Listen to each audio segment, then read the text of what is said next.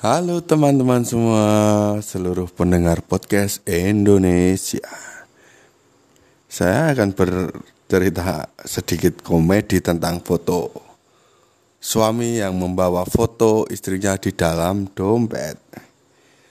Ya, pada suatu hari ada seorang suami yang di dalam dompetnya terdapat foto istrinya.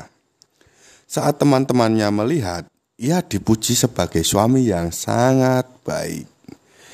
Lalu, satu di antara teman-temannya bertanya, "Apa fungsinya membawa foto sang istri?" Dia menjawab, "Kalau aku punya masalah di kantor, aku memandang foto istri itu, dan permasalahan yang dihadapi hilang begitu saja."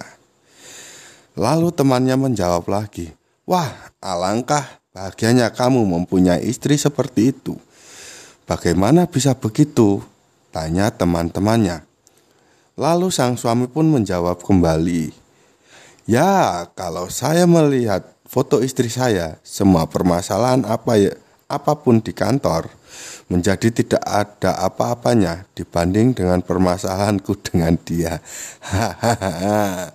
Mungkin sekian cerita Kak cerita lucu garing dari saya. Terima kasih.